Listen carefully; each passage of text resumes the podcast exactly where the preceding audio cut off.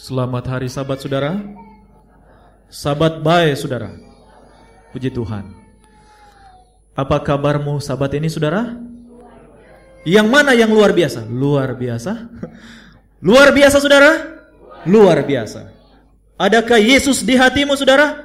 Amin. Amin. Tuhan berkati kita. Tibalah kita pada 52 sabat. Sabat yang terakhir di tahun 2012 ini tanpa terasa kita boleh menikmati kasih sayang Tuhan walaupun walaupun kita harus menikmati ujian dalam kehidupan kita. Goncangan hidup, pencobaan yang berat. Tetapi Allah kita bersama dengan kita. Amin Saudara. Bukankah saudara dan saya seperti orang Israel yang keluar dari tanah Mesir? Ya, harus keluar dari tanah Mesir dan menikmati kanan itu. Tetapi perjalanannya sangatlah berat. Tetapi Tuhan kita berjanji dan selalu berkata, Akulah Allah yang beserta denganmu. Inilah tiang api di malam hari. Inilah tiang awan di siang hari. Dan aku tetap bersama denganmu. Amin saudara. Sabat ini adalah sabat perjamuan kudus bagi jemaat Tuhan di Tumoto. Dan seperti biasanya saya tidak akan berbicara panjang pada hari ini oleh karena perjamuan kudus. Tapi dengarkan firman ini. Saya mengambil satu judul kalau saudara lihat di buletin kita, judul saya ada di BlackBerry saudara. Ada tanda hati, hati yang terbahagia atau terbelah. Seperti kilat yang membelah hati ini. Saya berikan judul hati yang hancur. Di dalam Lukas pasalnya yang ke-19, ayat 1 sampai ayatnya yang ke-10. Saudara mungkin sudah berkali-kali dengarkan cerita ini. Tetapi pada sahabat ini saya coba membahas kembali. Secara uh, versi yang berbeda. Di dalam satu judul, di dalam perikop ini, uh, judul dari perikop ini, ada satu judul yang menarik. Langsung mengungkapkan satu nama. Nama itu adalah Sakeus ketika Yohanes Pembaptis berkhotbah di Sungai Yordan. Sakeus ada di sana. Ketika beberapa kali Yohanes Pembaptis memberikan khotbah panggilan supaya mereka bertobat, Sakeus ada di sana. Panggilan Yohanes didengar. Waktu itu ada satu hati yang tergerak dan kalau boleh berubah oleh karena latar belakang dari Sakeus, saudara. Saudara sudah tahu bahwa dia adalah kepala perpajakan di kota Yeriko. Dirjen pajak. Dia sangat dikenal. Semua orang di Yeriko mengenalnya. Bahkan setiap hari menceritakan tentang Sakeus ini. Tetapi anehnya, mereka menceritakan dalam versi yang berbeda. Bukan yang positif, tetapi hal yang negatif. Karena mereka sangat benci kepada Sakeus. Walaupun mereka memiliki satu komunitas pengumpul pajak. Mereka memiliki rencana-rencana supaya kalau boleh uh, dikumpulkan pajak lebih tinggi lagi. Itulah sebabnya komunitas ini, Sakyus punya komunitas sangat dibenci. Ya, mereka dikenal.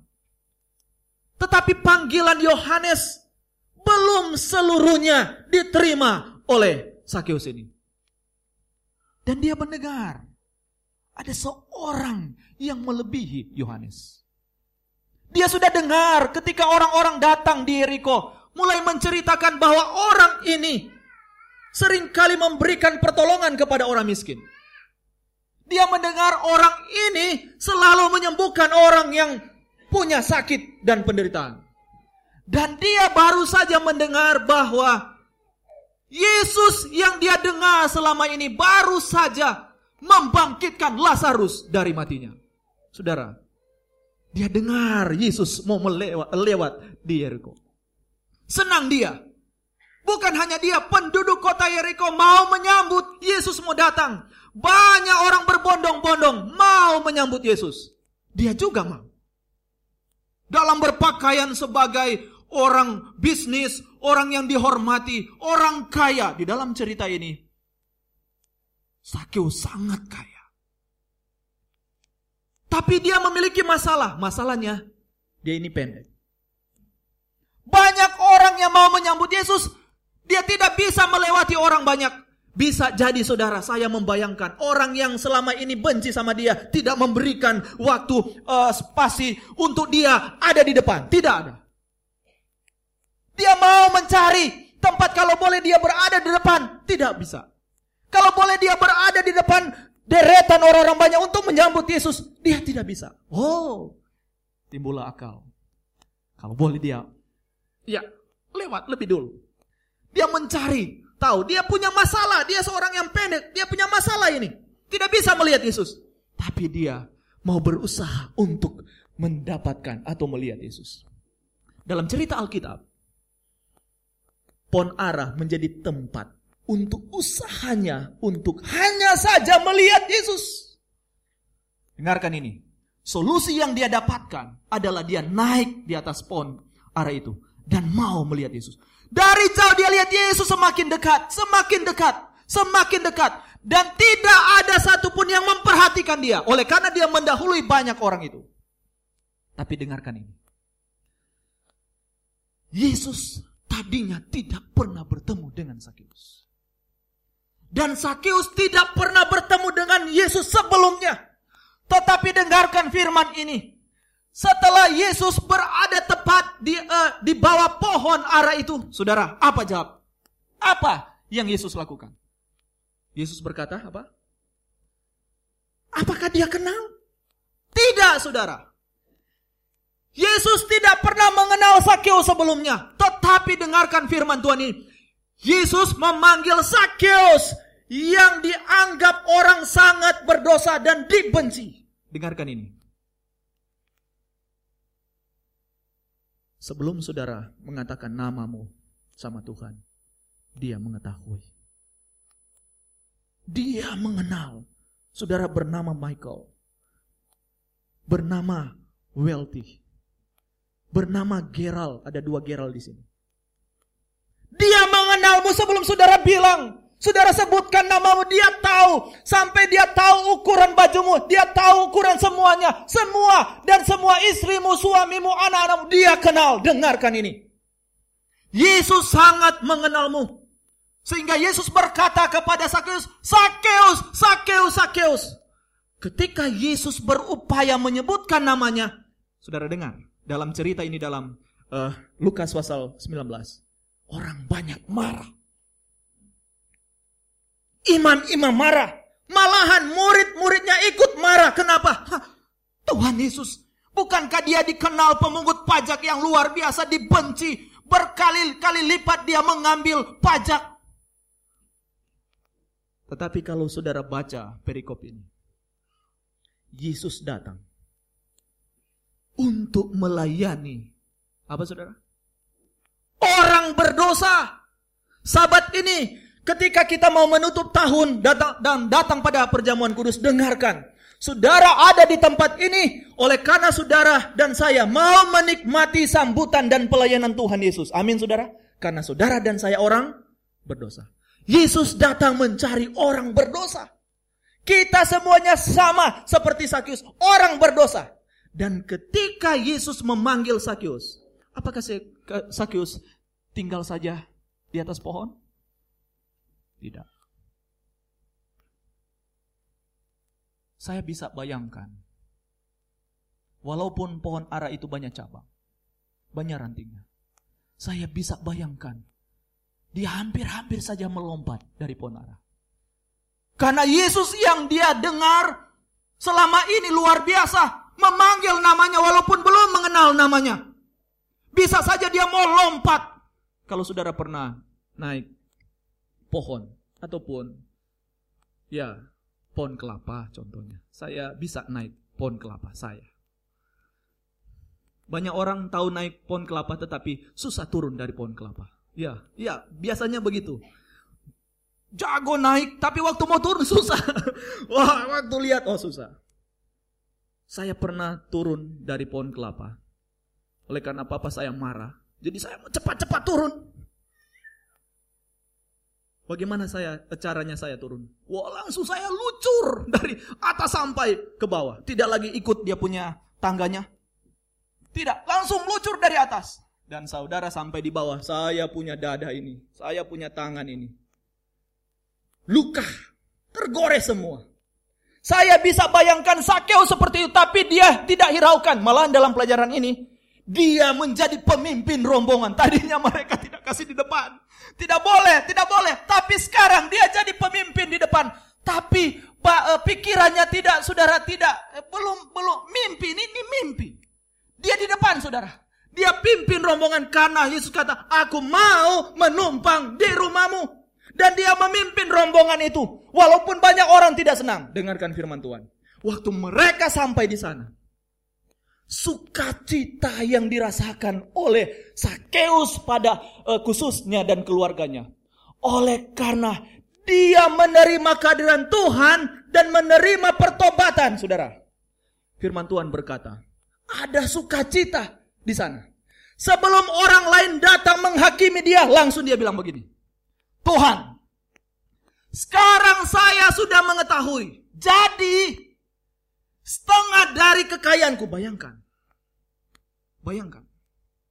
Setengah dari kekayaanku saya akan berikan kepada orang miskin.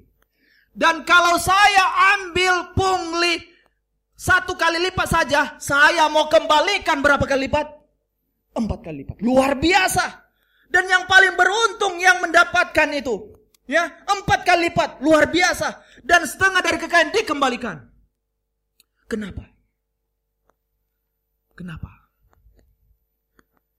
Karena dia bertemu dengan Yesus. Bukan hanya bertemu dengan Yesus, saudara. Kalau saudara buka satu pasal di dalam buku kerinduan sekelas sama. di dalam halaman 607 dan 608. Tetapi segera sesudah Sakeus menyerah kepada pengaruh Roh Kudus, dikesampingkannya setiap kebiasaan yang berlawanan dengan ketulusan hati. Saya katakan tadi, dia pernah hadir di khotbahnya Yohanes di sungai Yordan. Tapi belum sepenuhnya dia menerima panggilan itu. Tetapi ketika Yesus datang, memanggil dia dan hadir di rumahnya dan memberkati dia, berkhotbah di sana dan memberikan ajakan. Saudaraku yang kekasih. Respons dari Sakyus. Dia kesampingkan semua. Jubahnya, kekayaannya, jabatannya, kehidupannya. Dia kesampingkan semuanya itu. Dan dia menerima panggilan Tuhan lewat kuasa. Hatinya hancur. Bukan hanya hatinya saudara biasa-biasa, tetapi hatinya hancur. Dia mau menerima Yesus. Dan Yesus mau hadir di tengah kehidupan dan hatinya. Di dalam buku yang sama berkata, pertobatan tidaklah sejati kalau tidak diikuti dengan pembaruan. Amin saudara. Ya bisa jadi Sakeus datang menyambutnya, bawa di rumah. Tetapi habis itu selesai. Banyak kali kita seperti itu. Setiap sahabat datang, setelah itu selesai. 52 sahabat yang kita boleh rasakan. Mari kita lihat. Betapa baiknya Tuhan kita. Betapa besarnya kasihnya bagi kita. Tetapi apakah kita ada pembaruan hidup?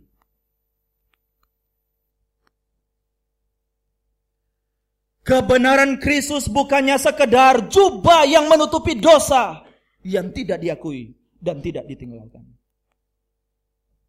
Itulah prinsip kehidupan yang boleh mengubah dan mengendalikan budi pekerti kita. Sehingga dia berkata, kepada Sakeus. Hari ini telah terjadi keselamatan di rumah ini. Kenapa? Sakeus benar-benar menerima Yesus. Hatinya diserahkan kepada Yesus. Dia tidak memakai jubah yang dia pakai, kebiasaan tabiat yang dia pakai selama ini. Bertahun-tahun dia rasakan Selain itu, Dia tidak menghiraukan cibiran orang lain. Dia hanya mau melihat Yesus. Melihat Yesus. Melihat Yesus. Dan memanggil Yesus hadir di dalam hatinya.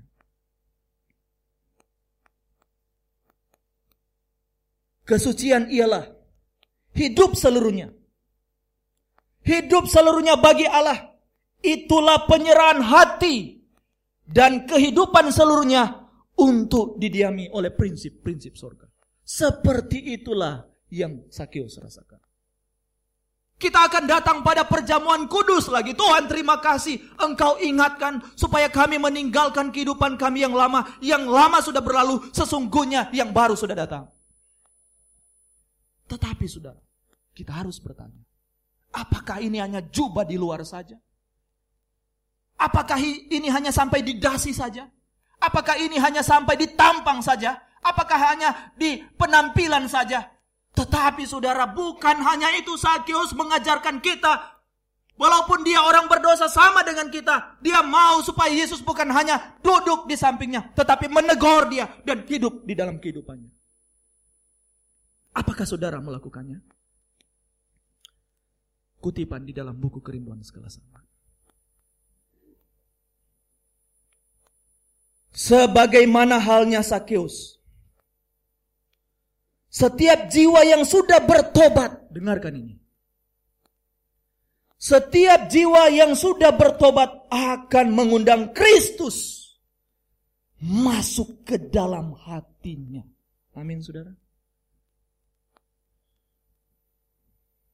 Sehingga kita tidak akan dicap lagi seperti yang lalu, seperti yang lalu, manusia yang lama. Tetapi kita yang mengundang Kristus masuk ke dalam hatinya. Dengarkan ini. Akan meninggalkan kebiasaan hidup yang tidak benar. Amin saudara. Akan meninggalkan kebiasaan hidup yang tidak benar di dalam kehidupan Tuhan kita.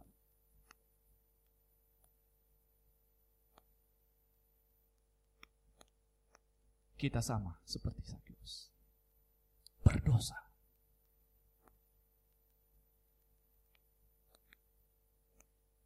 Tetapi justru Tuhan datang untuk orang berdosa. Perjamuan kudus lambang pelayanan kasih kepada orang berdosa. Tetapi Yesus mengajarkan, sebelum kita merasakan kasihnya, sebelum kita merasakan pengampunannya, kita harus benar-benar merendahkan diri. Tuhan, saya tidak layak layakkan saya. Tapi kalau kita datang kepada Tuhan dengan dada ke muka, tidak ada. Terima kasih saudara Indrajit dan Haris. Tanpa Tuhan, kita tidak ada apa-apa. Sahabat ini, mari kita merasakan Tuhan hadir dalam hidup kita. kita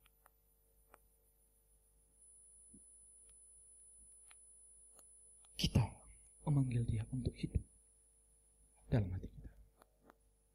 Biarlah kita merasakan hati dengan Yesus. Dan hati yang keras, sombong. Semuanya itu. Hancurkan itu. Dengan kasih sayangnya. Allah kita mau baik. Di dalam nama Yesus. Amin. Kita akan buka acara perjamuan kudus. Mari kita tunduk kepala, kita berdoa.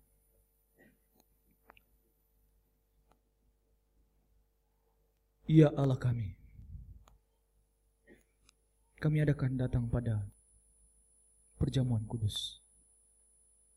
Lambang keselamatan, lambang pengampunan, lambang kasih sayang, lambang pengorbanan. Kami rindu Tuhan bersama dengan kami. Urapi kami dengan kuasa. Dan biarlah hati kami terbuka untuk Tuhan sehingga masuk dalam kehidupan sehingga menghancurkan hati kami yang tidak layak. Kami banyak dosa dan kegagalan. Mungkin sering kali kami menghakimi orang lain. seperti orang banyak kepada Sakeus. Seringkali kami marah kepada orang lain seperti orang banyak kepada Sakeus. Tetapi ajarlah kami untuk menjadi Sakeus yang bertobat. Yang menerima Yesus. Merubah hatinya.